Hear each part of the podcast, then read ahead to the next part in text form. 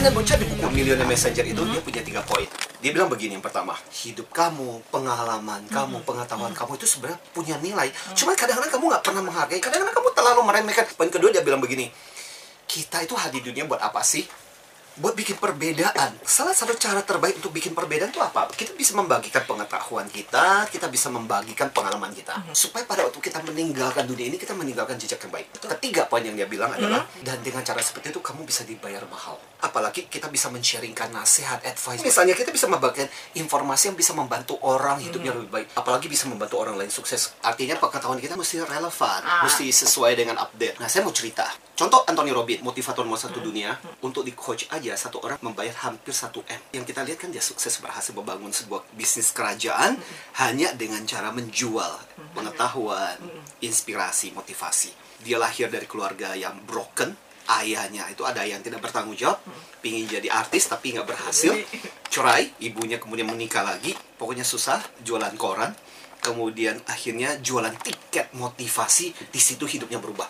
Tapi dia punya motivasi yang luar biasa. Saking suksesnya di usia belia sudah berhasil jadi jutawan problemnya satu mental nggak siap. Akhirnya saking kemudian terperosok lagi karena foya-foya. Sampai dia tinggal di kamar kos yang isinya dua kali satu nggak punya heater pemanas. Di situ dia berjanji akan mengubah hidupnya. Singkat cerita sekarang dia menjadi salah satu motivator yang luar biasa. Nah yang luar biasa adalah dia punya dua hal satu adalah pengalaman hidupnya makanya kadang pengalaman hidup kita itu bisa menjadi sesuatu yang dijual. Mary Riana cerita tentang itu Pak Andri Wongso cerita tentang latar belakang orang butuh kisah menginspirasi seperti itu tapi nggak bisa Behind cuma the scene kita behind the ya. scene-nya. Kemudian dari situ kemudian dia fo- fokus ke begini dengan pengalaman hidup bagaimana saya berubah. Nah tipsnya yang kemudian orang butuh Orang tidak butuh informasi, orang butuh tips. Buat Anda yang punya informasi yang berharga, Anda harus kemas menjadi sesuatu yang tips, yang berguna buat orang. Karena kalau bicara mengenai informasi, enggak gampang. Gue search aja di Google, Google. semua informasi ada di situ. Tapi kalau untuk mendapatkan tips itu kan bayangkan berapa banyak informasi Harus yang harus digest untuk bisa menjadi sebuah tips. Cerita saya yang kedua adalah seseorang bartender cewek pingin membangun kafe. Eh, gagal, hutang. Bingung dong. Akhirnya dia tanya sama konsultan investment, konsultan finansial kan lagi terpuruk hutang kan. Nanya sama siapa. Nah, ini yang abal-abal. Nggak menolong dia malah semakin terperosok makin dalam. Akhirnya dia kesel. Dia baca buku tentang bagaimana menyelamatkan dirinya dan akhirnya dia menjadi salah satu penasihat finansial pembicara tentang finansial yang paling terkemuka di dunia saat ini berasal dari seorang yang cuma latar belakang bartender. Sih, banyak orang berpikir trainer sama speaker sama. Semua orang bisa jadi speaker, pembicara, Pembicara, ngomong di depan. Lu punya konten, lu pasti bisa ngomong. Ah. Tapi kalau jadi trainer, itu ibaratnya antara maraton dengan sprint. Hmm. Speaker itu biasanya cuma ngomong, cerita, pengalaman, bla bla bla, dan sebagainya selesai. Tapi nggak punya metode. Biasanya itu kadang-kadang trainer. Kamu training berapa hari? Bisa dua hari, tiga hari. Untuk menjadi trainer itu senjatanya harus lebih banyak.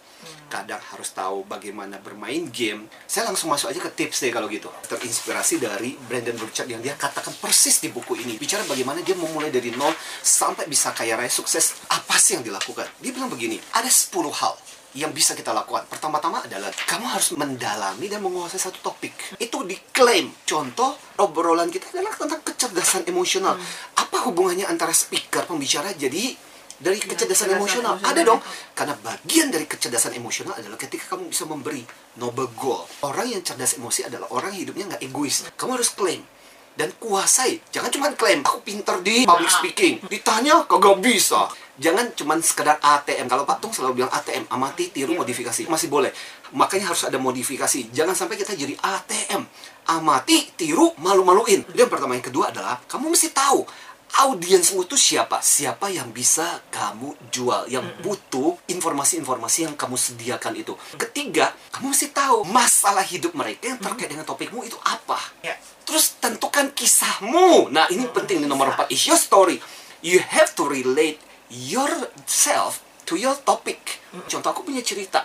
Kenapa aku sukanya dengan kecerdasan emosi? Because secara personal aku punya kisah itu. Dulu bagaimana aku ditendang, aku melakukan balas dendam positif, disiram pakai air kencing. Jangan oh, begini, iya. iya. Nah, hal seperti itu yang your story. Terus ciptakan solusi. Kamu harus kasih solusi. Ini loh Ya. solusinya. Ini loh tipsnya. Ini loh. Dan bikin website. Saran dari Brandon Bouchard adalah kamu harus punya website karena website itu milik pribadimu secara online.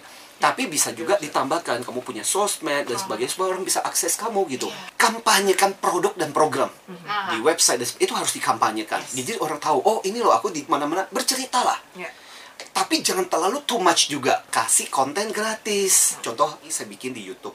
10 tips soal bullying. Hal seperti itu kadang-kadang orang butuh. Masa gitu aja mesti bayar sih? Merki banget sih. Merki.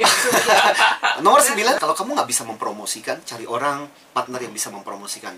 Dan terakhir kata Brandon yang menarik di bukunya ini The Millionaire Messenger ini adalah dia bilang bangun bisnis kamu berdasarkan tiga hal. Des d e s differences, perbedaan apa yang kamu berikan dibandingkan orang lain. Tepatnya distinction dia bilang. Yang kedua adalah excellence, apa yang kamu jauh lebih luar biasa yang bisa melakukan dengan dahsyat dibandingkan orang lain.